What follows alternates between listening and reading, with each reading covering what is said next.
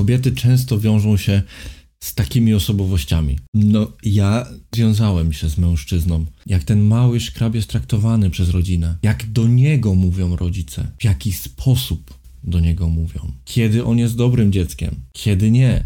Ty starasz się zmienić siebie, żeby ten mężczyzna jeszcze bardziej cię kochał. Starasz się zrezygnować ze swoich pasji, ze swoich znajomości, bo wydaje nam się, że czas, który poświęcamy narcyzowi jest, jest go za mało. No i mamy to poczucie niewystarczalności. Teraz to skąd ono się bierze? Cześć, w poniedziałek był bardzo ciekawy odcinek na Dzień Dobry TVN a propos właśnie narcyzów i tego, o czym tutaj rozmawiamy. I mega poczułem, że chcę dograć pewne informacje, które ja czuję jeśli chodzi o narcyzów i, i, i, i też przedstawić odpowiedzi ze swojej strony, ponieważ mam wrażenie, że ten program był przedstawiony bardzo ogólnikowo, pewnie ze względu na brak czasu na antenie, a warto byłoby podzielić się tym, co ja czuję, bo ja nie mam tej pięknej wiedzy eksperckiej, którzy, którą mają ci zaproszeni goście. I jest to bardzo ładnie uniwersytecko przedstawione. A ja chciałbym to po prostu powiedzieć Tobie ze swojej perspektywy, a pytania są bardzo ciekawe, na które można się bardzo fajnie rozwinąć, więc będziemy tego oglądali i ja sobie coś tam czasami dopowiem, tak czysto od siebie. Usiądźmy wygodnie, rozpocznijmy temat, który jest ważny i poważny i dotyczyć może wielu osób. Zaskakujące sytuacje związane z osobowościowymi kom komplikacjami. O, właśnie, dobrze to wprowadziłeś. Rzeczywiście będziemy mówić o osobowościach narcystycznych. Tak jest. Kobiety często wiążą się z takimi postaciami, właśnie z takimi mężczyznami, którzy na początek właściwie. Kobiety często wiążą się z takimi osobowościami, z takimi mężczyznami. No, ja nie związałem się z mężczyzną. I tutaj, pomimo tego, że wiem, że to jest bardzo duże uogólnienie, to warto zwrócić na to uwagę, że zarówno mężczyźni, jak i kobiety mają problemy z narcystycznym zaburzeniem osobowości. I to może być dla co niektórych krzywdzące, albo może też nie dawać pełnego spektrum tego, że to może dotykać każdego, bo zależy to od tego, jak każdy z nas został wychowany, w jaki sposób był pokazywany ten schemat miłości, więc idźmy dalej. Jak się zorientować, że mamy do czynienia z narcyzem? I to pytanie, jak się zorientować, że mamy do czynienia z narcyzem? Ja uważam, że przez to, że nie ma jeszcze w naszym społeczeństwie takiego rzeczywiście naturalnego sposobu rozmowy o tych zaburzeniach osobowości, że nie ma odpowiedniej wiedzy, że dopiero teraz pojawia się coś takiego w, w mainstreamie, to bardzo często my nie wiemy, że mamy do czynienia z osobowością narcystyczną, ponieważ to są momenty, w których czasami po prostu nam się wydaje, że mamy trudniejszy okres w związku. I gdybym ja miał odpowiedzieć teraz ze swojej perspektywy, to ja tak naprawdę do końca nie zorientowałem się w pełni, że ja mam do czynienia z osobowością narcystyczną. U mnie tym zbawieniem i, i, i, tym, tym punktem, w którym ja się zorientowałem, że tutaj jest, może być coś nie tak, był mój anioł.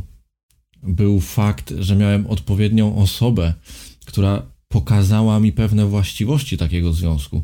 Dlatego uważam, że samemu bardzo trudno jest się dowiedzieć, że jesteśmy w narcystycznym związku. Tak samo jak wy do mnie piszecie, że dzięki Twojemu profilowi dowiedziałam się, że jestem z narcyzem, a nie z osobą toksyczną, albo dowiedziałam się, że jestem cały czas manipulowana, ponieważ związek z narcyzem jest cholernie delikatnym, na bardzo delikatnym poziomie takiego wyczu wyczuwania, ponieważ oni potrafią dokładnie uderzyć tam, gdzie tego potrzebujesz. I to stety, niestety zaczyna się jak większość związków, w które wchodzimy, ponieważ czujemy mega niesamowitą adrenalinę, jest ten love bombing, mm, wszystko wydaje się idealne, ten partner wydaje się, tak jak ja miałem to w swoim wtedy mniemaniu, że ten partner jest spełnieniem moich marzeń, tam bardzo szybko zaczyna się planowanie pla wspólne planowanie przyszłości, bardzo głębokie rozmowy już na samym początku. I teraz to, co mi przychodzi do głowy, to kiedy zaczynasz wchodzić w taki związek, to żeby zastanowić się, żeby zwrócić uwagę na pewne rzeczy, właśnie takie jak to, że ta osoba bardzo szybko się przed tobą otwiera, bardzo szybko mówi ci o rzeczach, o których nigdy nikomu nie mówiła, bardzo szybko mówi, że jesteś dla niej najważniejsza na świecie. Zaczynają się pojawiać w twojej głowie takie rzeczy typu cholera, skoro ta osoba tak wiele o mnie już, o sobie już mi powiedziała, to znaczy, że jestem dla niej ważna. To znaczy, że ja też powinnam się bardziej otworzyć. I do czego to jest wykorzystywane? Bo to jest kluczowe. To wykorzystywane jest do tego, żeby właśnie poznać te twoje głębokie cechy, te głębokie rany, które w tobie są, te sytuacje w twoim życiu, które wykreowały twoją nadwrażliwość. Tylko, że nadwrażliwość w dobrym tego stopnia znaczeniu, tą wysoką wrażliwość, co jest piękne i broń Boże, żebyś musiała mm, brać swoją wysoką wrażliwość jako coś, co powinnaś siebie za to karać, bo to jest piękne. Ja sam jestem wysoko wrażliwy. Był moment, w którym zastanawiałem się nad tym, czy, czy to nie jest moja kara, ale zdecydowanie nie, bo dzięki tej wysokiej wrażliwości jestem w stanie poczuć Twoje emocje, jestem w stanie Ci pięknie współczuć, ale jestem w stanie w tym współczuciu pomóc, a nie brnąć w to wszystko. Więc są takie rzeczy, na które trzeba zwrócić uwagę, jak to, że bardzo szybko ta osoba się odkrywa, bardzo szybko mówi o, o Waszej wspólnej przyszłości, i Ty cały czas zaczynasz coraz bardziej się otwierać do tej osoby. I to właśnie na tym ta manipulacja polega, że im więcej ty o sobie powiesz zbyt szybko, bo każdą relację powinniśmy kreować oczywiście na flow tego, że czujemy fajne wibracje, ale też również brać pod uwagę to, że my dopiero poznajemy tą osobę. I zobacz, w takiej zwykłej, prostej sytuacji, to jeśli widzisz, że ktoś na pierwszym, drugim spotkaniu zaczyna rozmawiać o bardzo głębokich dla siebie rzeczach, to zadaj sobie pytanie, czy ty byłabyś w stanie tak naprawdę tak szybko mówić o rzeczach ważnych, mówić o rzeczach, które ciebie dotykają. Z obiektywnego punktu widzenia to jest tutaj coś nie tak, nie? Ja spotykam przechodnia na ulicy, idę na kawę i na tej kawie już zaczynam rozmawiać, że wiesz co, w mojej rodzinie było bardzo ciężko, że byłam bita, że byłam maltretowana, albo że czuję do ciebie już bardzo wiele. Znowu w tą drugą stronę, nie? Że zobacz, jak tylko cię spotkałem, pomyślałem sobie, że jesteś odpowiedzią na moje modlitwy. Kiedy to dzieje się za szybko, to już są te syndromy, w których powinnaś oświecić sobie lampkę i powiedzieć: Dobra, dlaczego to tak szybko? Czy ja zachowałabym się tak samo, poznając nową osobę? Bo wszystko koniec końców trzeba sprawdzić przez swoje filtry. Jeśli jest coś, co tobie odpowiada, to to tobie odpowiada. Ja nie będę tego oceniał. Ty potem decydujesz, czy to jest ta czerwona flaga, czy coś, co z tobą współgra. Oczywiście tutaj dochodzą jakieś różne rzeczy typu jeśli masz w sobie jakieś nieuleczone części i odpowiadają ci te niezdrowe rzeczy, no to to jest powód też, dla którego właśnie narcyzów przyciągasz. Miałem krótko o tym opowiedzieć, a to jest tak złożony temat tego wszystkiego, że, że no troszeczkę więcej tego wyszło, więc słucham dalej. Okej, okay, Magda, ty mówisz, bo, bo wiesz, prawda, bo sama byłaś w takim y, związku. To nie jest związek przemocowy, ale jednak wychodzenie z niego jest bardzo trudne, długotrwałe i często y, y, wychodzi się na kolanach, mówiąc potocznie.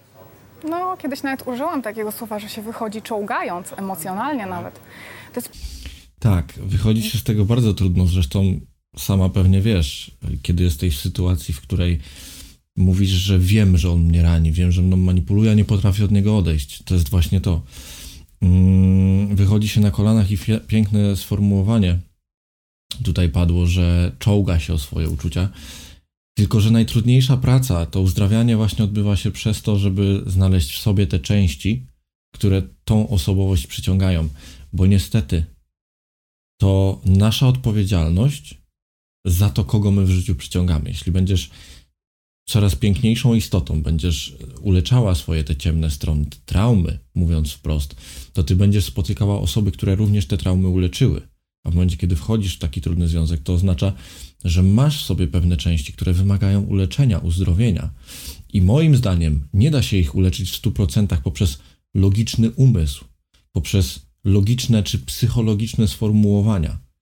Nie wszystko, moim zdaniem, ja nie potrafiłem tego zrobić tylko przy pracy z psychologiem. Dopiero praca z moją duszą, ciałem, emocjami pomogła mi się uzdrowić. Mm, dopiero ona doprowadza do, do tego całkowitego uzdrowienia. Dochodzi do takiego współuzależnienia jednej i drugiej strony.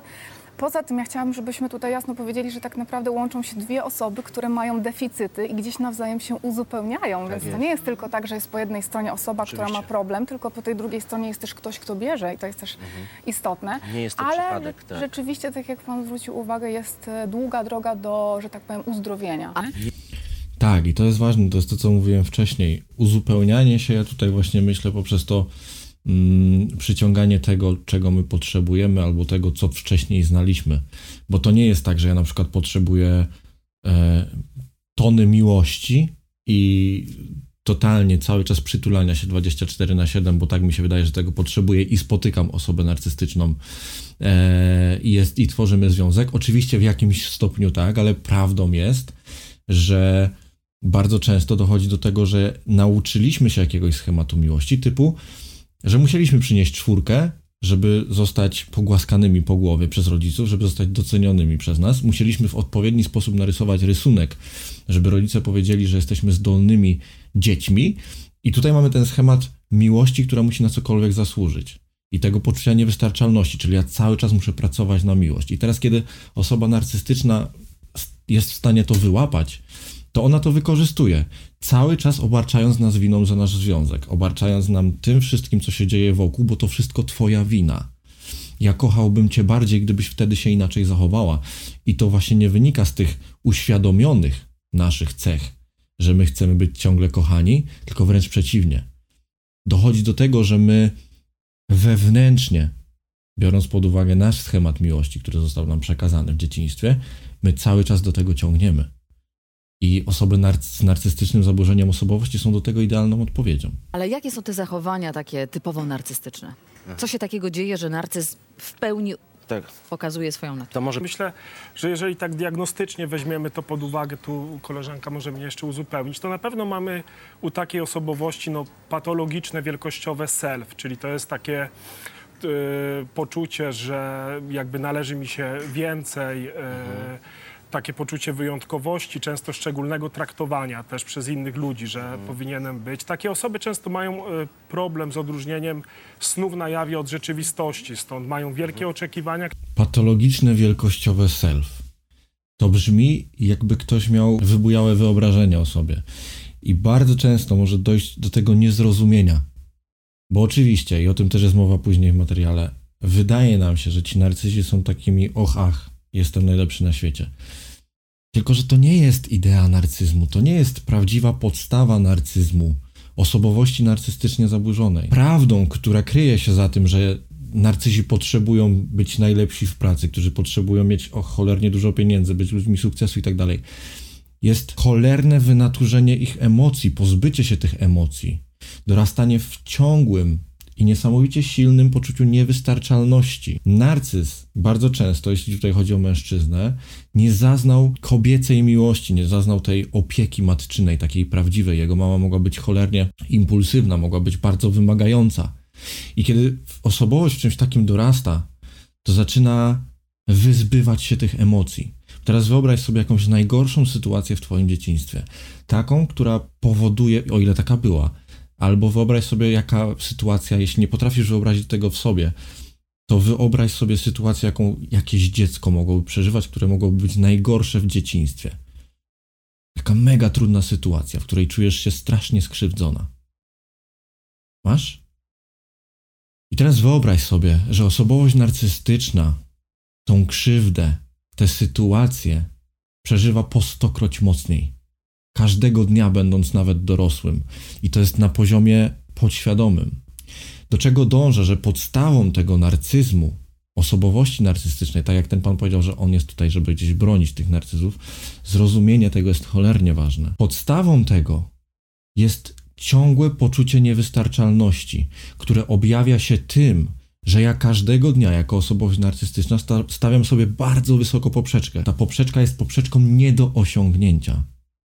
I to jest idea narcyza, że on cały czas goni do osobowości, którą nigdy się nie stanie. Dlaczego? Ponieważ to powoduje, że on wraca do emocji, które znał, kiedy był dzieckiem. Czyli nigdy nie było dość. Zawsze byłem tym złym, zawsze czułem się cholernie źle, zawsze czułem się poniżony, nierozumiany przez rodziców czy przez mamę. Więc kiedy stawiam sobie tak wysoko poprzeczkę, to paradoksalnie ciągnę do tego, co znam, czyli do pojęcia, w którym nie jestem w stanie nic zrobić. Ale przez to właśnie te osoby bardzo często odnoszą duże sukcesy. Te osoby bardzo często mm, mają piękne domy. Ta sfera materialna jest niesamowicie pięknie w nich zbudowana. Mogą bardzo mocno inwestować również w siebie i w swój rozwój, ale również w ten wygląd cech fizycznych. Mogą być niesamowicie atrakcyjni, ponieważ ta stawiana poprzeczka ich do tego po prostu ciągnie, tylko że w tym jest cholerny ból. Wyobraź sobie, że wstajesz każdego dnia i na nowo wymyślasz sobie postać, którą chciałabyś się stać. Tylko, że ta postać jest dla siebie totalnie nieosiągalna. Każdego dnia oni z tym walczą i moment, w którym spotykają kogoś, na kogo mogą tę całą złość z tej bezradności wylać, to właśnie jest moment, w którym dochodzi do związku pomiędzy osobowością narcystyczną i osobą, która po prostu potrafi kochać, która również ma w sobie jakieś nieuleczone rany. To jest bardzo ważne, żeby to zrozumieć. Podstawa narcyzmu jest niestety w ogromnym cierpieniu, w ogromnym poczuciu niewystarczalności i oni każdego dnia to poczucie niewystarczalności budują sobie na nowo. Stawiają sobie poprzeczkę, do której nigdy nie doskoczą. Starają się być kimś, kim nigdy nie będą.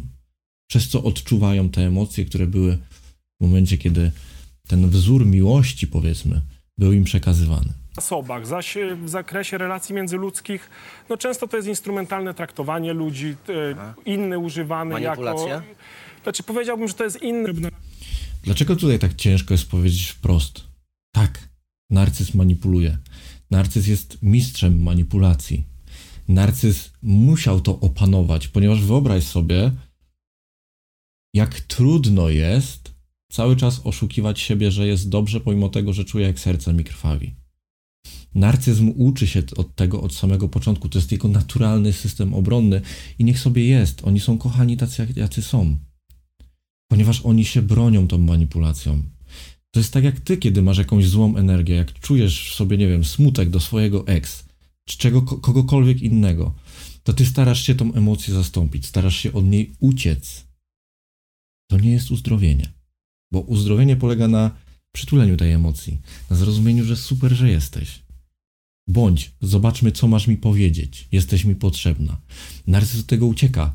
Konfrontacja narcyza z emocjami jest czymś, czego oni nie są w stanie zrozumieć. To jest tak cholernie boli. I to właśnie polega później, to przekłada się na manipulację.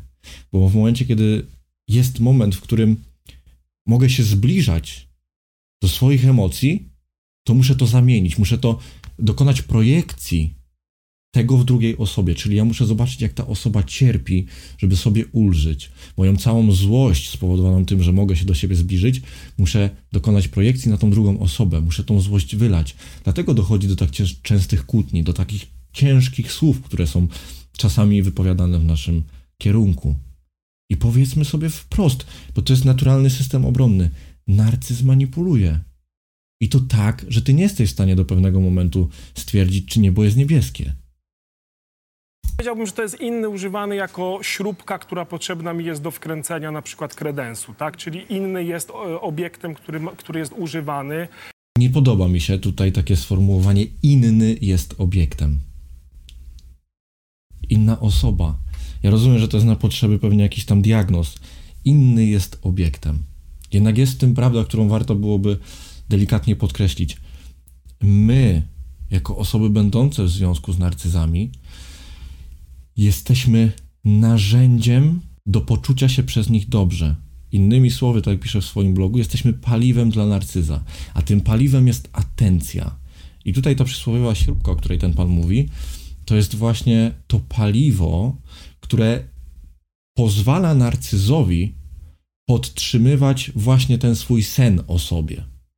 Czyli jeśli ja wykreowałem jako narcyz świat, w którym jestem najlepszy na świecie, w którym każdy mnie szanuje, w którym każdy widzi we mnie bóstwo, w którym jestem człowiekiem sukcesu, to tak długo, jak to narzędzie, czyli my, będziemy podtrzymywali ten obraz, tak długo będziemy potrzebni narcyzowi. Tak długo będzie dokonywał tej manipulacji. Tak, tak. E, narcyz bywa niebezpieczny i patologiczny właśnie, ale skąd się bierze ten narcyz? On się rodzi, czy zostaje wychowany, ukształtowany? Też y, może przyjąłem taką e, formę y, bronienia gdzieś tam czasami osób z tym zaburzeniem, bo wydaje mi się, że ktoś dorasta w jakimś klimacie psychicznym i ktoś ma matkę czy ojca, który na przykład, podam prosty przykład, mhm. prawda, idę ulicą, jestem rodzicem i teraz mija mnie na przykład, e, mijamy bezdomnego, tak? I ja mogę powiedzieć do dziecka, że temu panu się na przykład, nie wiem, nie udało, pomóżmy mu, a mogę powiedzieć o nim coś mocniejszego, na przykład nie rób, siedzi i nic tutaj nie robi, tak? Mój umysł nasiąka treściami, które przekazują mi najbliższe osoby. To jest to, co mówiłem wcześniej. Tutaj znowu jest zobrazowanie narcyzmu na zewnętrznych rzeczach, na, tych, na tym, co usłyszy narcyzm w dzieciństwie. To jest prawda, bo on widzi, jak rodzice się do siebie zachowują, w jaki sposób mówią o różnych rzeczach. Ale tym, dlaczego ten narcyz powstaje, jest to, jak on się czuje w tym dzieciństwie. Jak ten mały szkrab jest traktowany przez rodzinę. Jak do niego mówią rodzice. W jaki sposób do niego mówią. Kiedy on jest dobrym dzieckiem, kiedy nie. Zakładam, że większość mojego pokolenia, bo o tym mogę mówić, została wychowana takim domu, w którym, no, jak się przyniosło piątkę, to się było kochanym i się było zdolnym chłopakiem, ale jak się przyniosło jedynkę, to tam nie było okej, okay, synuś, to jest tylko jedynka, ona nie świadczy o twojej wartości, poprawimy to. Jeśli byłeś lub byłaś w takim domu wychowywana, przepięknie. I to jest ta idea narcyzmu. To jest ta podstawa, jak my jako dzieci byliśmy traktowani, w jakim schemacie miłości byliśmy wychowywani. Jako dziecko do 6-7 roku życia my nie potrafimy logicznie zrozumieć, co mówią do nas rodzice. My wszystko przyjmujemy za prawdę. I teraz tak jak jeden z moich podopiecznych, akurat jeden mężczyzna, który miał kiedyś powiedziane, że ja nie chciałam cię urodzić, ja chciałam jeździć Mercedesem. Jako dziecko to Kuba po prostu przyjął to za prawdę. Mam ciarki. Czyli dla mnie ważniejsze było posiadanie Mercedesa niż ciebie urodzenie, ale niestety się urodziłeś. Tak zrozumiało to dziecko. I teraz, kiedy jesteśmy w falach teta, w momencie dojrzewania do 6-7 roku życia, to tworzą się nasze połączenia neuronalne w mózgu. Innymi słowy, to, co usłyszeli, usłyszeliśmy, jest prawdą, bo my jeszcze nie mamy, nie, nie, nie, nie konstruujemy rzeczy logicznie. Czyli co ja rozumiem? Moja mama, osoba, która jest dla mnie najważniejszą osobą na świecie, mówi mi, że samochód jest ważniejszy niż ja, taki jaki jestem. Ale mama w moim rozumieniu mnie kocha. Czyli co ja zapisuję w tym umyśle podświadomym? Schematem miłości dla mnie jest to, kiedy coś lub ktoś jest ważniejsze ode mnie. To znaczy, że ta osoba mnie kocha. I ja wiem, że to jest paradoks, ale tak działa umysł małego dziecka. Dlatego tak ważne jest to, w jaki sposób swoje dzieci wychowujesz, w jaki sposób do nich mówisz i w jakich okolicznościach. I kiedy mamy w sobie ten schemat, chociażby takiej miłości, o której mówiłem, to potem szukamy partnerów, dla których zbyt częste wychodzenie z kolegami będzie ważniejsze niż wspólny Netflix. Oczywiście tutaj trzeba znaleźć balans. Ja tutaj idę w ekstrema, ponieważ narcyzm jest zawsze ekstremum, z jednej strony lub z drugiej. Kiedy umycie samochodu jest ważniejsze od tego, że wczoraj umówiliśmy się, że zjemy wspólnie lunch. No to dostajemy to, co w dzieciństwie, tak? Coś jest ważniejsze niż my, to znaczy, że on nas kocha. I my wpadamy w to uzależnienie. Jako małe dzieci nie, nie potrafiliśmy usprawiedliwiać tego zachowania, a teraz, skoro mamy już umysł logiczny, to wręcz potem e, usprawiedliwiamy to wszystko. Okej, okay, samochód był niesamowicie brudny, pojechał to ogarnąć, może akurat mu coś wypadło. Dobra, to trzecie wyjście w tym tygodniu z kolegami, ale ja rozumiem, niech on ma swoją przestrzeń. Co się wtedy dzieje? My kompletnie zapominamy o sobie. Totalnie nie liczymy się my. Nasze granice są tak szeroko. Bierz co chcesz, zrób ze mną co zechcesz. Ja mam taki schemat miłości, ja się będę go trzymała. Jak kobieta y, się orientuje, że rzeczywiście ma do czynienia z narcyzem? Czy powinna natychmiast uciekać, czy jeszcze jest w stanie go zmienić? Odkrywamy, że w pewnym momencie nas w ogóle nie ma. Że my cały czas robimy coś dla tej osoby, że jesteśmy tak totalnie oddane czy oddani, tak? W momencie, kiedy mm, dochodzi do takiej konfrontacji, okazuje się, że tam jest wiecznie niewystarczająco. Bardzo ważne. tam jest wiecznie wy- niewystarczająco. Tak jest. No bo ty starasz się zmienić siebie, żeby ten mężczyzna jeszcze bardziej cię kochał. Starasz się zrezygnować ze swoich pasji, ze swoich znajomości. Bardzo często rezygnujemy ze swoich przyjaciół, bo wydaje nam się, że czas, który poświęcamy e, narcyzowi, jest, jest go za mało, więc dajemy go jeszcze więcej. No i mamy to poczucie niewystarczalności. Teraz najważniejsze jest to, skąd ono się bierze bierze się z tego, co, o czym mówiłem wcześniej, ze schematów miłości, które zostały nam przekazane. Więc ja muszę zasługiwać na miłość. Muszę rezygnować ze swoich obowiązków, ze swoich tak, obowiązków, ze swoich pasji, ze swojego czasu wolnego. Bo na przykład mama mi powiedziała, że ty nie pójdziesz teraz do koleżanki, bo masz zrobić coś dla mnie. Jak pójdziesz, to nie wiem, mama się na ciebie obrazi, mama będzie zła i tak dalej I potem to przekładamy. I tak samo jest z drugiej strony. Bo to nie przeciwieństwa się przyciągają nawet w związkach narcystycznych, tylko te podobieństwa. Ten człowiek, tak jak mówiłem wcześniej, jest sam dla siebie niewystarczający. Tylko, że on przed sobą tego nigdy w życiu nie przyzna. Ale kiedy czuje ten ból niewystarczalności, którego nie potrafi nazwać, my to potrafimy opisać, jako ludzie, którzy tego doświadczyli, ludzie, którzy zdają sobie z tego sprawę, on tego nie potrafi stricte opisać, to on automatycznie, intuicyjnie wywiera na tobie te emocje, które on sam w sobie czuje. Dlatego mówi, że mogłaś lepiej zrobić to spaghetti, e, dodałaś za mało pieprzu. Super, że zrobiłaś zakupy, ale tego, tego jeszcze zapomniałaś. O, cudownie, że posprzątałaś dom lub posprzątałeś dom, ale mogłeś pamiętać o tym, żeby też ogarnąć kurze z telewizora. Zawsze za mało. Ale to właśnie bierze się stąd, że te obie osobowości w tym związku mają te schematy.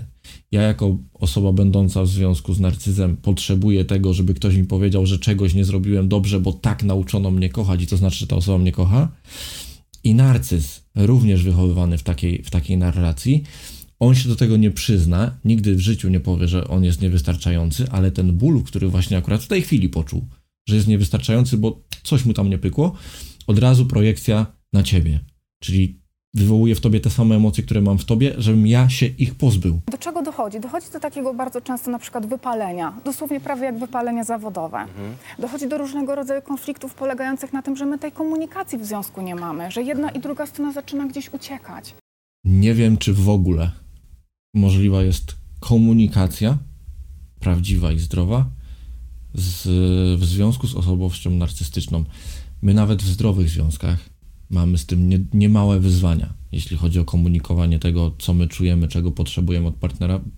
Wiadomo dlaczego, bo my sami nie wiemy, czego potrzebujemy. My nie potrafimy nazwać swoich emocji. Poza tym, ilu z nas, będąc dziećmi, było w stanie otwarcie porozmawiać o swoich emocjach z mamą czy z ojcem? Wiem, że są oczywiście takie rodziny, bo sam mam w gronie takich znajomych, którzy mogą porozmawiać ze swoimi mamami o tym, że załóżmy w gimnazjum mogli porozmawiać, że jakaś miłość im nie wyszła. No ale czy jest tego większość? Niech tak będzie. Dlatego komunikacja z osobowością narcystyczną jest do momentu, w którym nie wchodzisz w jego przestrzeń, w których nie pokazujesz jego bólu. Wtedy jesteś w stanie jakokolwiek się skomunikować. I to jest bardzo płytki poziom. Ponieważ osobowość narcystyczna jest, jest tak osobowością poranioną, że tam każda najmniejsza rzecz powoduje wejście w tą strefę, w której ona czuje ból, panikę i po prostu musi całą złość i manipulację przełożyć na ciebie. Jakie są takie właśnie y, instrumenty, Tej które ma w zanadrzu tak, że- w jaki że- sposób się, y, do czego się Jednym z odwołuje? takich najbardziej dotkliwych, nazwałabym to może nawet narzędzi w takim cudzysłowie, to jest między innymi na przykład karanie ciszą. To są wielotygodniowe e, sytuacje, kiedy ta osoba się do nas nie odzywa. My Karanie ciszą. Czyli on się już do mnie nie odzywa dwie godziny. Żyjemy ze sobą jak lokatorzy. On przychodzi po pracy, odpala telewizor i totalnie ze mną nie rozmawia. Kiedy idziemy spać, nie mówi mi nawet dobranoc. Kiedy się budzimy, nie mówi mi dzień dobry. Kiedy wróciłam od niego z weekendu, do tej pory się jeszcze nie odezwał. Jak to cholernie boli, tylko że teraz znowu jaka jest podstawa tego? No przepiękna i czysta manipulacja. Bo ty zaczynasz w sobie mieć poczucie winy. Boże, to pewnie ja coś złego zrobiłam, że on poczuł się dotknięty, że coś go zabolało w moim zachowaniu, słowie, czymkolwiek. Ty zjadasz siebie samymi myślami i on doskonale wie, dlaczego to robi. On czeka na moment, w którym ty znowu będziesz taka: Proszę, proszę, ja wiem, że źle zrobiłam. Mogłam się odezwać do ciebie pierwsza. Co się wtedy dzieje? Narcyz daje ci znowu tonę miłości.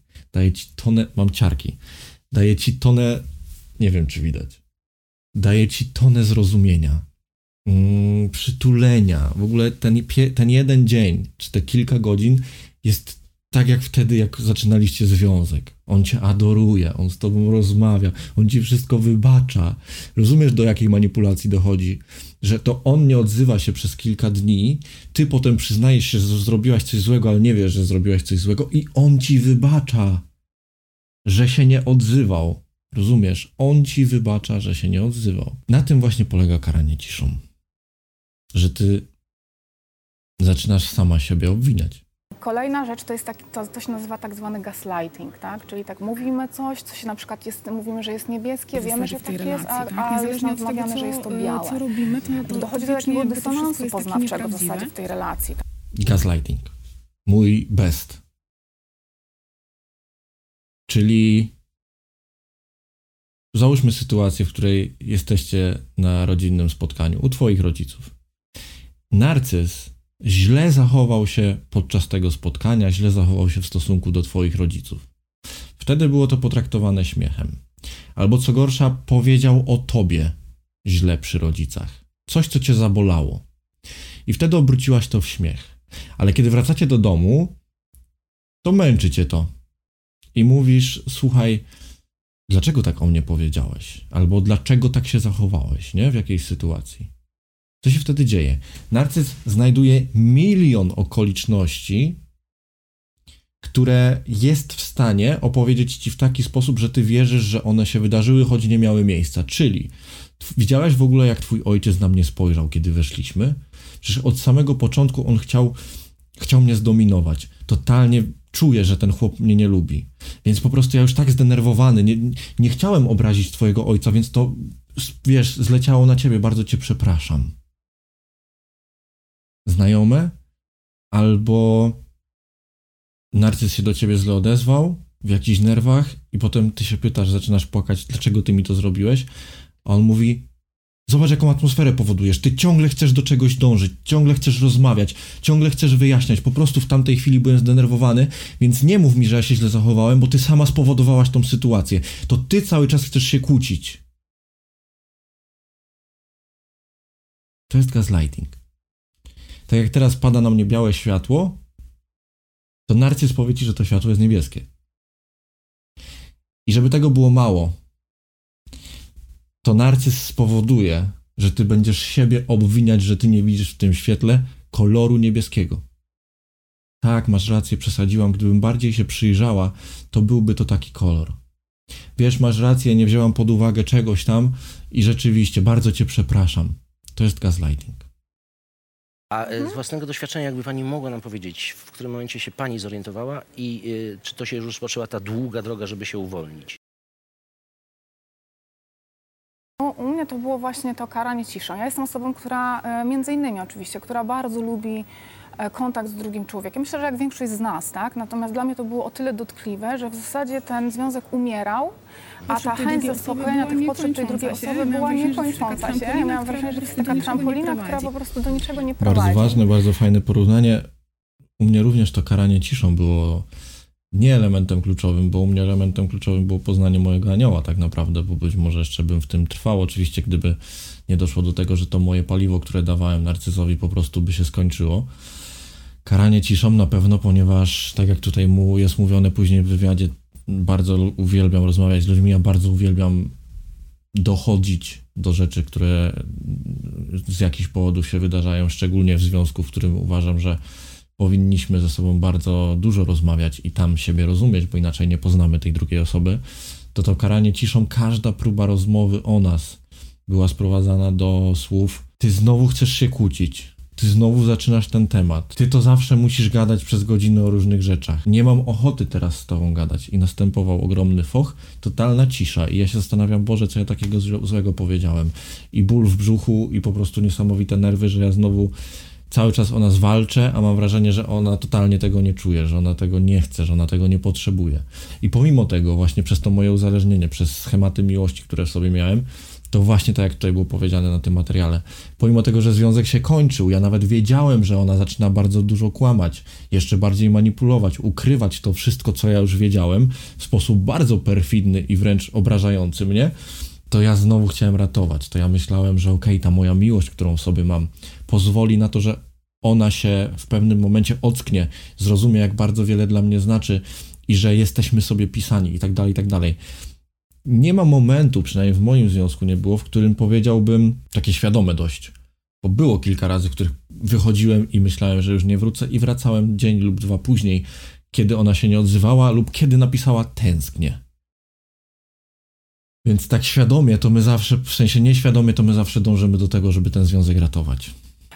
I miałam takie poczucie, że to też ta kontrola i takie zawłaszczanie i brak zezwolenia dosłownie na to, żeby się rozwijać, chociażby zawodowo, powodowało, że ja po prostu czułam, że ja się duszę. No czyli kontrola jeszcze do tego dochodzi. Bardzo. Panie Macieju, no dobrze, to teraz kontrola. Bardzo często również e, tutaj są takie z dwóch stron ta kontrola, bo ja chcę mieć kontrolę, że ty mnie kochasz, jako powiedzmy ta osobowość, która wiąże się z narcyzem, chcę mieć kontrolę, że mnie kochasz, bo wydaje mi się, że zaszły sytuacje, które mogą powodować mój niepokój. Teraz warto sobie zadać pytanie, dlaczego ja w ogóle jestem niespokojna o to, czy ktoś mnie kocha i czy jeśli mam ten niepokój w sobie, to czy to jest osoba, z którą powinnam być, bo to też wynika z jakichś naszych wewnętrznych zadziorek, które dobrze byłoby w sobie sprawdzić, dlaczego ja mam tą manię sprawdzania, ale również osoba narcystyczna w związku potrzebuje tej kontroli. No jakby nie było, ona cały czas ma nad tobą kontrolę. Zauważyłaś pewnie, że kiedy osoba narcystyczna przychodzi do ciebie i cię przytula, kiedy spędza z tobą wieczór, kiedy wspólnie robicie kolację, to ty jesteś po prostu wulkanem szczęścia, tryskającym miłością, e, samouwielbieniem, uwielbieniem tej drugiej osoby i po prostu świat mógłby się teraz skończyć, ja umarłabym szczęśliwa. Co się dzieje w momencie, kiedy zaczynają się dni ciszy, albo kiedy zaczyna się manipulacja narcyza? Opadasz. Nie ma cię, masz ochotę płakać, czujesz się niewystarczająco, jesteś w ciągłym poczuciu winy, cały czas jesteś zależna od tego, żeby ta osoba okazała ci emocje. Więc ta kontrola jest na bardzo głębokim poziomie. Cały czas jesteś kontrolowana. I potem po prostu przekładasz te schematy, że jak często jest tak, kiedy wychodzisz z takiego związku i mówisz, ja już nigdy nikogo tak nie pokocham. Z nikim nie będę tak szczęśliwa. Dlaczego tak jest? Bo to ta osoba była dla ciebie elementem, który powoduje te emocje w tobie. A jak warto byłoby zrobić? Tak złapać się za serducho i powiedzieć do siebie: Damian, ale ja cię kocham takim, jakim jesteś. Ja chcę z tobą być i będę z tobą bez względu na okoliczności.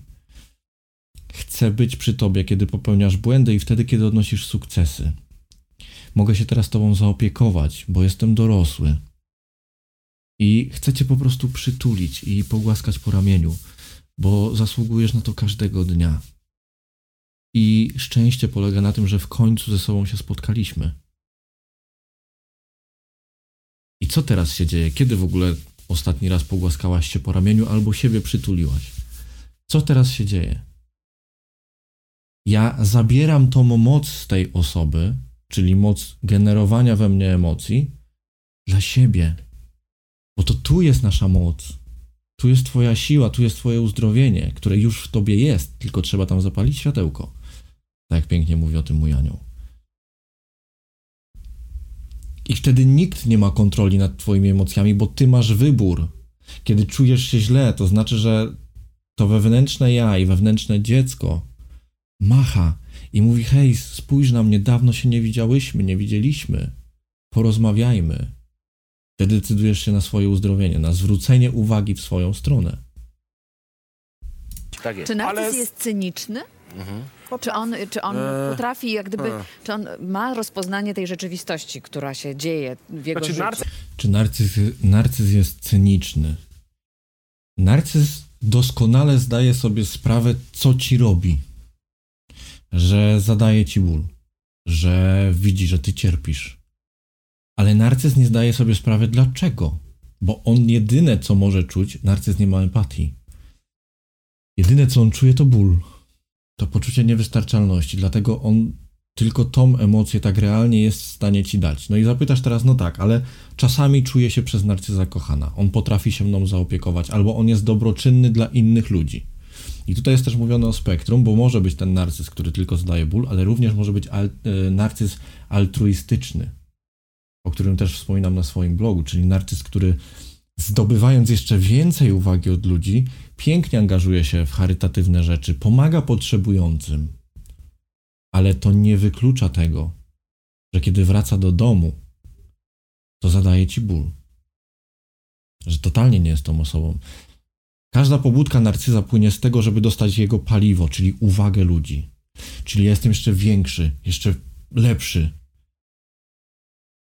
I ten altruistyczny narcyz właśnie może tak wyglądać, może pomagać wszystkim naokoło. Teraz wracając do tego, że mówisz, że czasami możesz czuć się kochana, że on potrafi o ciebie zadbać. Narcyz empirycznie poznał pewne rzeczy, czyli obserwował swoich rodziców i kiedy tata przytulał mamę, to mama się wtedy uśmiechała, czyli prawdopodobnie dobrze się czuła. Więc teraz, kiedy ja przytulę ciebie, to ty poczujesz się dobrze. A jak poczujesz się dobrze, to znowu odpuścisz swoje granice i będę mógł to wykorzystać. Rozumiesz, na czym to polega? Doskonale zdaje sobie sprawę z tego, co ci robi. Każdy jego ruch jest przemyślany. Pomimo tego, że jest cholernie intuicyjny, to jest przemyślany, bo on wie, po co to robi. On się tego nauczył od dziecka, żeby odpychać swoje emocje, projek- dokon- dokonując projekcji na tobie ten człowiek, jak ja bym miał takie problem, taki problem, to ja dzisiaj wracam do domu i będę pół dnia, y, nie wiem, żalił się znajomym, że na przykład krzywo się na mnie popatrzyliście tu dzisiaj. Taka malutka rzecz. Narcyz nie będzie się żalił, że ktoś na niego źle popatrzył, tylko narcyz oskarży tych ludzi, że nie zrozumieli, co miał po, do powiedzenia, że on miał przecież rację w tym, co mówi, że narcyz właśnie tak wygląda, że sytuacja tak wygląda. I ci ludzie popatrzyli się tak na mnie, bo kompletnie nie rozumieli, co ja mówię, czyli oni są w totalnym błędzie, to oni są odklejeni. Narcyz się nie żali. Chyba, że ma w tym jakąś konkretną potrzebę. To oczywiście, jest to możliwe. Że uda płacz, też ważne, żebyś zrozumiała, może kiedyś o tym opowiem. Narcyz nie potrafi płakać tak naprawdę. To też jest nauczona emocja. Narcyz również płacze, żeby manipulować. Jego łzy mogą być na zawołanie. To jest również umiejętność, którą nabył. I tu jest właśnie to bardzo ważna rzecz. Narcyz nie będzie się żalił, że ktoś na niego się źle spojrzał, bo on nie przyzna przed kimś, że był słabszy, że ktoś mógł go źle ocenić, że na niego patrzył. Tu się właśnie dokonuje gaslighting. Czyli ci ludzie nie zrozumieli totalnie, co ja chciałem powiedzieć. I jak on się na mnie spojrzał, to w ogóle jakiś odklejony, jak on w ogóle tak mógł w ten sposób, a nie, że się będzie żalił. To tak ode mnie. Ja wracam do tego mojego pytania, przepraszam, ale chcę się dowiedzieć, czy on sobie uzmysławia Tak czy nie? Kim on No jest? właśnie, czy, czy ma samoświadomość? Nie ma. W związku z tym, czy możliwa jest jakakolwiek terapia albo uleczenie? Stop, to znaczy ja na co dzień spotykam narcyzów cienkoskórnych, którzy przychodzą do mnie do gabinetu Aha. i mówią, coś jest ze mną nie tak.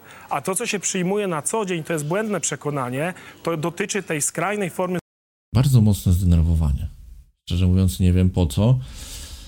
99,9% narcyzów nigdy nie pójdzie na terapię i nigdy się przed sobą nie przyzna, że jest coś ze mną nie tak. Bo już sam fakt tego, że ty potrafisz w sobie zauważyć albo zadajesz sobie pytania, czy ja jestem narcystyczna, to już od razu ci mówię, nie jesteś, bo potrafiłaś w sobie tą złą cechę zauważyć. Oczywiście istnieją osoby, które mając to zaburzenie osobowości, poddają się terapii. I są osoby, które pięknie o tym uczą. Tylko, że one po prostu wtedy potrafią to obserwować. Ale to jest dysfunkcja. Innymi słowy, ty czujesz miłość w sercu, czujesz radość. A narcyz, który idzie na terapię, który stara się po prostu zacząć normalnie funkcjonować, on musi jak z podręcznika nauczyć się pewnych myślników, które radość powo- powodują.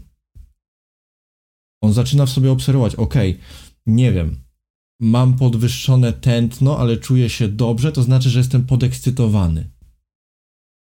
To jest ta różnica, którą ja czuję, że nawet jeśli jest narcyz, który idzie na terapię, to on po prostu musi nauczyć się zdrowych emocji. On już nie jest w stanie tego poczuć. To jest właśnie ta dysfunkcja emocjonalna, którą on ma. To jest ta bardzo ważna rzecz. A w momencie, kiedy ty zaczynasz zdawać sobie sprawę, że kurczę, zachowałam się źle i czy może ja jestem narcystyczna, no to już ty nie jesteś narcyzem. Tutaj jest oczywiście o jakichś gruboskórnych i cienkoskórnych narcyzach, no to ja tutaj mam tylko, tylko to do powiedzenia, co wcześniej, czyli może być też narcyz altruistyczny, który, o którym już wcześniej mówiłem, ale ten cienkoskórny to może być po prostu osoba, która była w środowisku narcystycznym, która tym przesiąknęła.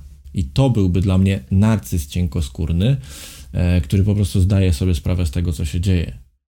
Mm, ale sam fakt zdawania sobie sprawy z tego już mówi o tym, że tym narcyzem tak naprawdę nie jesteś, bo narcystyczne zaburzenie osobowości, z tego co ja czuję, z tego co zdążyłem się dowiedzieć, to jest dysfunkcja emocjonalna, nieumiejętność poczucia emocji, wyparcie tych emocji. Więc jak ty w wieku x lat chcesz nauczyć się czegoś, co już nigdy nie wróci, bo fale teta, które nasiąkamy, będąc dziećmi do siódmego roku życia, one już potem w naszym życiu nie wracają. Jesteśmy w stanie wzbudzić medytacją, ale nie jesteśmy w stanie tego tak dobrze odzwierciedlić. Dlatego przez umysł logiczny narcyz zaczyna się po prostu uczyć emocji, ale ta dysfunkcja w nim cały czas zostaje. A czy takiego złośliwego, gruboskórnego y, narcyza jesteśmy w stanie przeprowadzić do gabinetu? Przyprowadzić, przywieźć, dowieść. Pani Magdaleno, jak pani Jesteśmy w uważa? stanie, jeżeli ten narcyz oceni lub uzna, że ma z tego tytułu jakiś profit. Clue. Jeśli moja partnerka pozwoli sobie na jeszcze większe otworzenie granic, bo zaufa mi, że ja idąc na terapię będę chciał się zmieniać, będę chciał ją bardziej pokochać, co?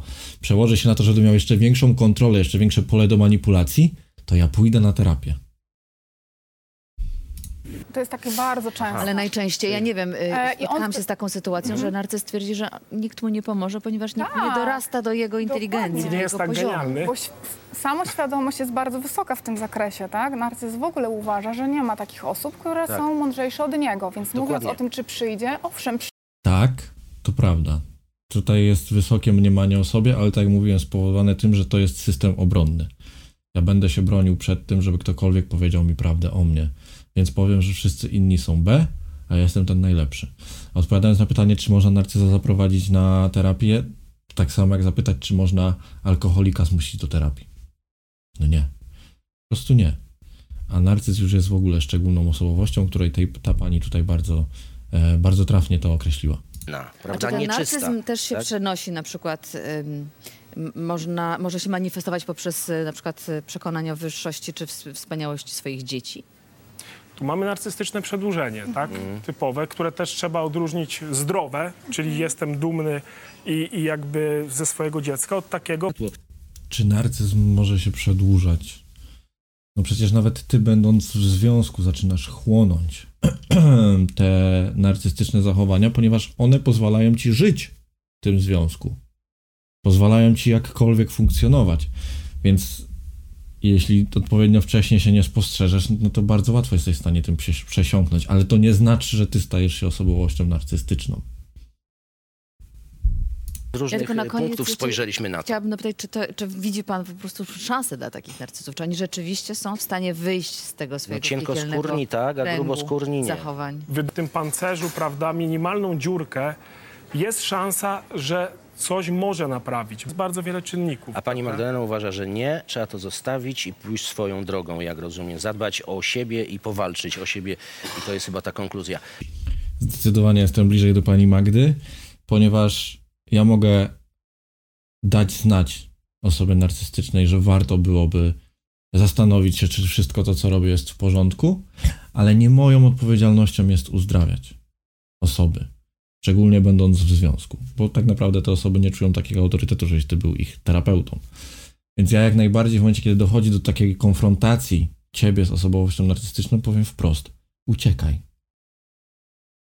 A jak już uciekniesz, że jesteś w bezpiecznej przestrzeni, to zacznij zastanawiać się, dlaczego przyciągnęłam taką osobowość do siebie, bo to oznacza, że są pewne schematy miłości, które w Twoim serduszku wymagają uzdrowienia.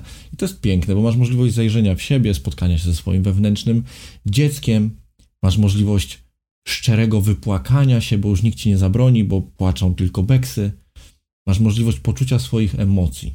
To jest to, co ja robię na uzdrawianiu z ludźmi, pokazując im, w jaki sposób mogą się uzdrawiać. To szczere spojrzenie na siebie i wzięcie pełnej odpowiedzialności za swoje uzdrowienie, a nie uzdrowienie wszystkich wokół, czy właśnie osobowości narcystycznej. E, Maciej Gałowicz i Magdalena Juchniewicz, dziękuję bardzo za to spotkanie. Bardzo pięknie Dziękujemy Państwu bardzo. dziękuję. Dziękuję bardzo, bo to najdłuższy materiał do tej pory, więc jeśli tylko chcesz, daj mi znać, że obejrzałaś to wszystko do końca. Co ważniejsze, chciałbym poznać Twoją perspektywę, dlatego skomentuj tam na dole, jak odczuwasz i jak czujesz to moje nagranie oraz wiadomo, zostaw subskrypcję, daj lajka i do zobaczenia w następnych filmach oraz na moim Instagramie, TikToku i na live'ach. Do zobaczenia.